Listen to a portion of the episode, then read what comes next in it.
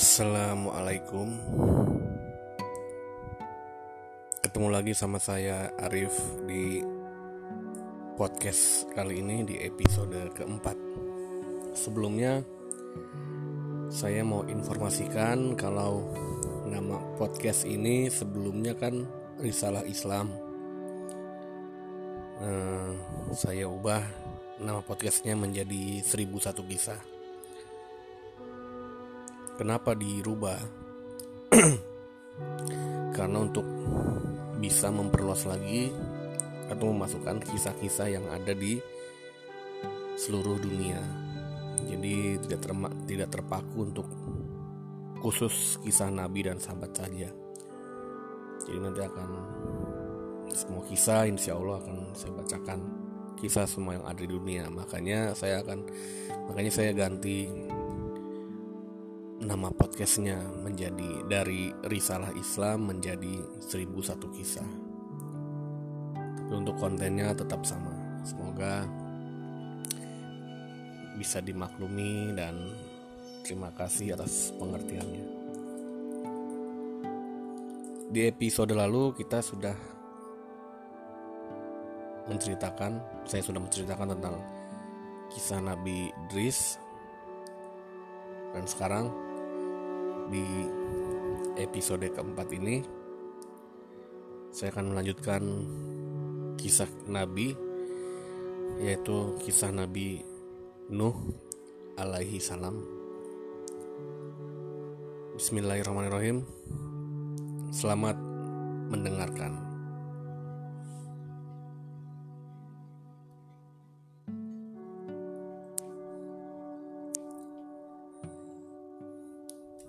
Nuh adalah putra Lamik bin Mata Syalih bin Idris. Menurut Al-Quran, usia Nabi Nuh ialah 950 tahun. Jadi usia Nabi Nuh ini tercatat di Al-Quran surat Al-Ankabut ayat 14. Setelah Nabi Idris meninggal dunia, perilaku masyarakat semakin menyimpang Begitu juga kaum Nuh yang ketika itu menyembah berhala. Al-Quran menyebutkan hal ini dalam surat Nuh ayat 23. Mereka berkata, Jangan kamu tinggalkan Tuhan-Tuhan kamu dan jangan kamu tinggalkan Wat, Suwa, Yagut, Yauk, dan Nas. Selain itu, kaum Nuh terkenal zalim dan sewenang-wenang. Kejayaan dan kekayaan membuat mereka sombong. Martabat dan harga diri diukur dari banyaknya harta. Karena itu, orang-orang miskin dipandang rendah. Para budak diperlakukan seperti binatang. Melihat keadaan itu, Allah memerintahkan Nuh untuk mengajak mereka ke jalan yang benar dengan sabarnya, Nabi Nuh menyampaikan ajaran-ajaran Allah kepada masyarakat yang musyrik. Nabi Nuh berkata kepada kaumnya, "Dan sesungguhnya aku memperingatkan kamu akan siksaan Allah dan aku menjelaskan kepadamu jalan keselamatan. Maka sembahlah Allah saja dan jangan menyekutukannya dengan apa pun. Karena aku khawatir apabila kamu menyembah selain Dia, atau menyekutukannya dengan yang lain, dia akan menyiksamu pada hari kiamat dengan siksaan yang sangat menyedihkan. Quran Surat Hud ayat 25 sampai 26. Ternyata dakwah Nabi Nuh tidak mendapat sambutan yang baik. Mereka malah mencemooh dan menghina Nabi Nuh. Mereka juga meremehkan Nabi Nuh dan pengikutnya yang miskin maka berkatalah pemimpin-pemimpin yang kafir dari kaumnya, "Kami tidak melihat kamu melainkan sebagai seorang manusia seperti kami, dan kami tidak melihat orang-orang yang mengikuti kamu, melainkan orang-orang yang hina dina di antara kami yang lekas percaya saja." Dan kami tidak melihat kamu memiliki sesuatu kelebihan apa pun atas kami. Bahkan kami yakin bahwa kamu adalah orang-orang yang berdusta. Quran Surat Hud ayat 27 Nabi Nuh kesal terhadap sikap kaumnya. Ia pun berlindung kepada Allah dan memohon pertolongannya. Ia berdoa kepada Allah. Ya Tuhanku, sesungguhnya aku telah menyeru kaumku untuk beriman kepadamu Aku juga mengajak mereka agar meninggalkan penyembahan berhala. Aku sangat berharap mereka mau beriman, tidak kulewatkan setiap kesempatan, melainkan kuajak mereka siang dan malam. Ternyata harapanku sia-sia. Mereka malah makin membangkang dan durhaka. Setiap kali kuajak mereka untuk menyembahmu, supaya engkau bisa memaafkan kesalahan-kesalahan mereka, mereka pun menutup telinganya dengan ujung jarinya. Mereka tidak suka mendengar ajakanku. Mereka sangat berlebih-lebihan dalam pembangkangan. Sampai-sampai mereka menutup wajahnya dengan baju supaya tidak melihatku dan tidak mendengar dakwah yang kuberikan. Wahai Tuhanku, aku telah mengajak mereka untuk menyembahmu berulang-ulang dengan berbagai cara. Kadang-kadang aku mengajak secara terang-terangan dalam kelompok-kelompok mereka. Kadang-kadang secara sendirian terhadap seorang di antara mereka. Aku berkata kepada mereka, Mintalah ampun kepada Tuhanmu, bertobatlah dari kekafiran dan kemaksiatan. Sesungguhnya dia menerima tobat hamba-hambanya. Dia memaafkan kesalahan-kesalahan serta memberi ganjaran atas tobat dan istighfarmu. Maka dia akan menurunkan hujan yang deras bagi kamu, hujan yang akan menyuburkan tanahmu sesudah kekeringan. Dia memberi rizki kepadamu berupa harta benda untuk kamu nikmati dan mengaruniaimu anak-anak yang akan membantu kamu. Kebun-kebun yang lebat akan membuat hidupmu sejahtera, dan sungai-sungai akan menjamin pengairan bagi tanahmu. Quran surat Nuh ayat 5 sampai 12. Itu adalah terjemahan dari doa Nuh ya.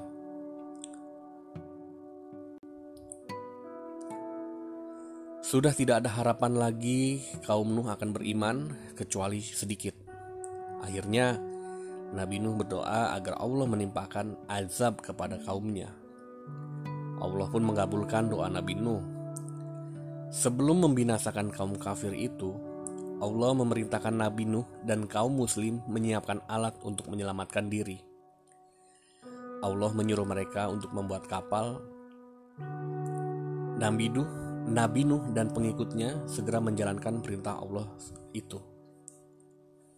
Mereka mulai membuat kapal. Namun, pembuatan kapal diejek oleh orang-orang kafir untuk menghadapi ejekan orang-orang kafir itu, Nabi Nuh berkata, "Jika kamu mengejek kami, maka sesungguhnya kami pun mengejekmu sebagaimana kamu sekalian mengejek kami. Kelak, kamu akan mengetahui siapa yang akan ditimpa oleh azab yang menghinakannya dan yang akan ditimpa azab yang kekal." Quran Surat Hud ayat 38 sampai 39. Nabi Nuh dan pengikutnya, kaum muslimin, akhirnya selesai membuat kapal. Selanjutnya, Allah memerintahkan Nabi Nuh untuk mengumpulkan sepasang dari setiap jenis hewan yang hidup. Lalu, hewan-hewan itu dimasukkan ke dalam kapal. Hal ini supaya mereka bisa berkembang biak lagi. Sebab, nanti setelah bencana besar melanda, makhluk hidup di bumi akan musnah. Kecuali yang ikut naik ke kapal Nabi Nuh. Setelah itu, Nabi Nuh menyuruh semua pengikutnya naik ke kapal. Nabi Nuh berkata kepada orang-orang beriman, Naiklah ke kapal dengan menyebut nama Allah Ta'ala di waktu berlayar dan berlabuh. Mereka berdoa demikian karena bukan kapal itu yang menyelamatkan mereka, hanya Allah lah yang menjalankan dan menghentikan kapal itu. Sehingga wajiblah atas mereka berharap kepada Allah. setelah semuanya siap di dalam kapal, Allah menurunkan hujan dari langit. Allah menyuruh bumi memancarkan air dari segenap penjurunya. Dalam sekejap, air dari langit dan bumi berkumpul sehingga timbullah air bah yang dahsyat. Itulah bencana yang ditakdirkan Allah dengan doa nabinya untuk membinasakan orang-orang kafir. Sementara itu, kapal berlayar dengan perlindungan Allah Subhanahu wa taala dan pemeliharaannya. Allah telah menyelamatkan Nabi Nuh dan orang-orang yang beriman.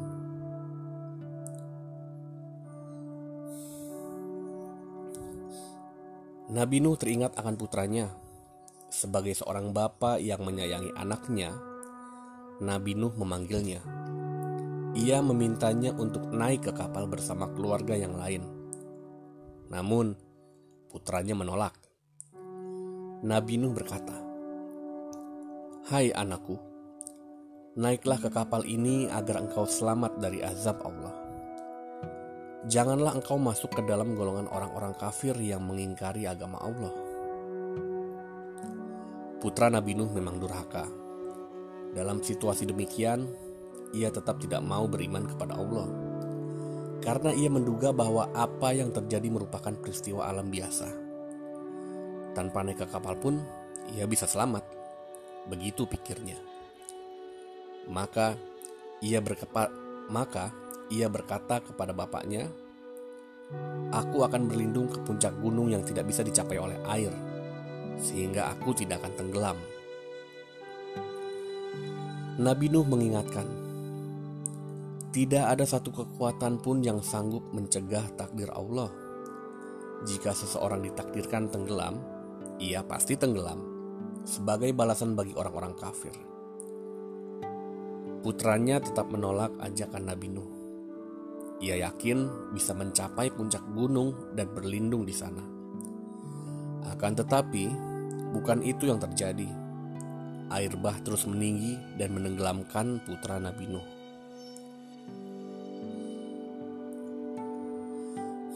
Sebelum putranya tenggelam, Nabi Nuh memohon kepada Allah agar putranya diselamatkan. Karena Allah telah berjanji akan menyelamatkan keluarganya. Allah menjawab bahwa putra Nabi Nuh yang kafir itu bukanlah termasuk keluarga yang dijanjikan untuk diselamatkan. Hal itu karena putra Nabi Nuh tidak beriman kepada Allah dan melakukan perbuatan-perbuatan yang tidak baik. Allah melarang Nabi Nuh untuk memohon sesuatu kecuali bila ia yakin bahwa hal itu benar. Nabi Nuh kemudian menyesal, ia mengakui kesalahannya. Sesungguhnya aku berlindung kepadamu wahai Tuhanku, aku tidak akan memohon sesuatu yang tidak engkau ridhoi. Jika engkau tidak mengampuniku, niscaya aku termasuk orang-orang yang merugi. Selanjutnya, air bah benar-benar menenggelamkan kaum Nabi Nuh yang tidak mau taat. Setelah semua orang kafir tenggelam, Allah menyuruh bumi untuk mengisap airnya. Allah juga menyuruh langit untuk berhenti menurunkan hujan. Maka surutlah air bah itu. Kapal Nabi Nuh kemudian terdampar di gunung Judi.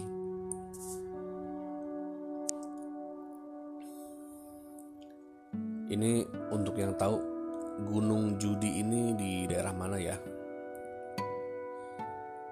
Oke lanjut. Allah mengatakan dalam surat Hud dikatakan kepada Nuh, Hai Nuh, turunlah dengan selamat sejahtera dan penuh keberkatan dari kami atasmu dan atas umat-umat dari orang-orang yang bersamamu dan ada pula umat-umat yang kami beri kesenangan pada mereka dalam kehidupan dunia, kemudian mereka akan ditimpa azab yang pedih dari kami. Di tanah baru itulah pengikut Nabi Nuh hidup dengan damai. Lalu mereka berkembang sehingga jumlahnya menjadi banyak lagi. Hud adalah nabi yang diutus Allah kepada kaum Ad di Al-Ahqab. Sebagaimana firman Allah, dan ingatlah Hud saudara kaum Ad yaitu ketika dia memberi peringatan kepada kaumnya di Al-Ahqab. Quran Surat Al-Ahqaf ayat 21 Menurut ahli sejarah, Al-Ahqaf merupakan daerah di antara Yaman dan Aman, yaitu di Yordania, sampai Hadramaut dan As-Syajar. Kaum Ad hidup di daerah yang tanahnya subur, mata air mengalir dari segala penjuru. Kondisi daerah sebaik itu memudahkan mereka untuk mengelola pertanian. Mereka juga mendirikan gedung-gedung megah di kota-kota. Kaum Ad diberikan kekayaan harta benda oleh Allah. Akan tetapi, kaum Ad lupa bersyukur kepada Allah. Padahal mereka telah mendapatkan begitu banyak nikmat, mereka malah menyembah berhala, yaitu Sada, Syamud, dan Al-Haba.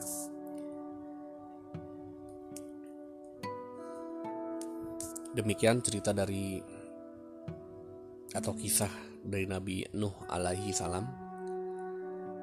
Semoga bermanfaat untuk kisah kali ini. Garis besarnya kisah Nabi Nuh. Buat teman-teman dukung terus podcast 1001 kisah. Silakan dibantu untuk di share ke teman-teman kasih tahu yang lain agar podcast ini bisa terus berkembang insya Allah terima kasih sudah berkunjung di podcast ini semoga teman-teman semua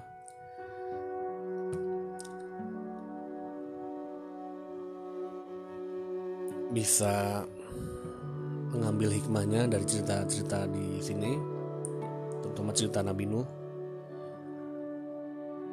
Dan insya Allah semoga saya bisa lanjut dengan episode berikutnya.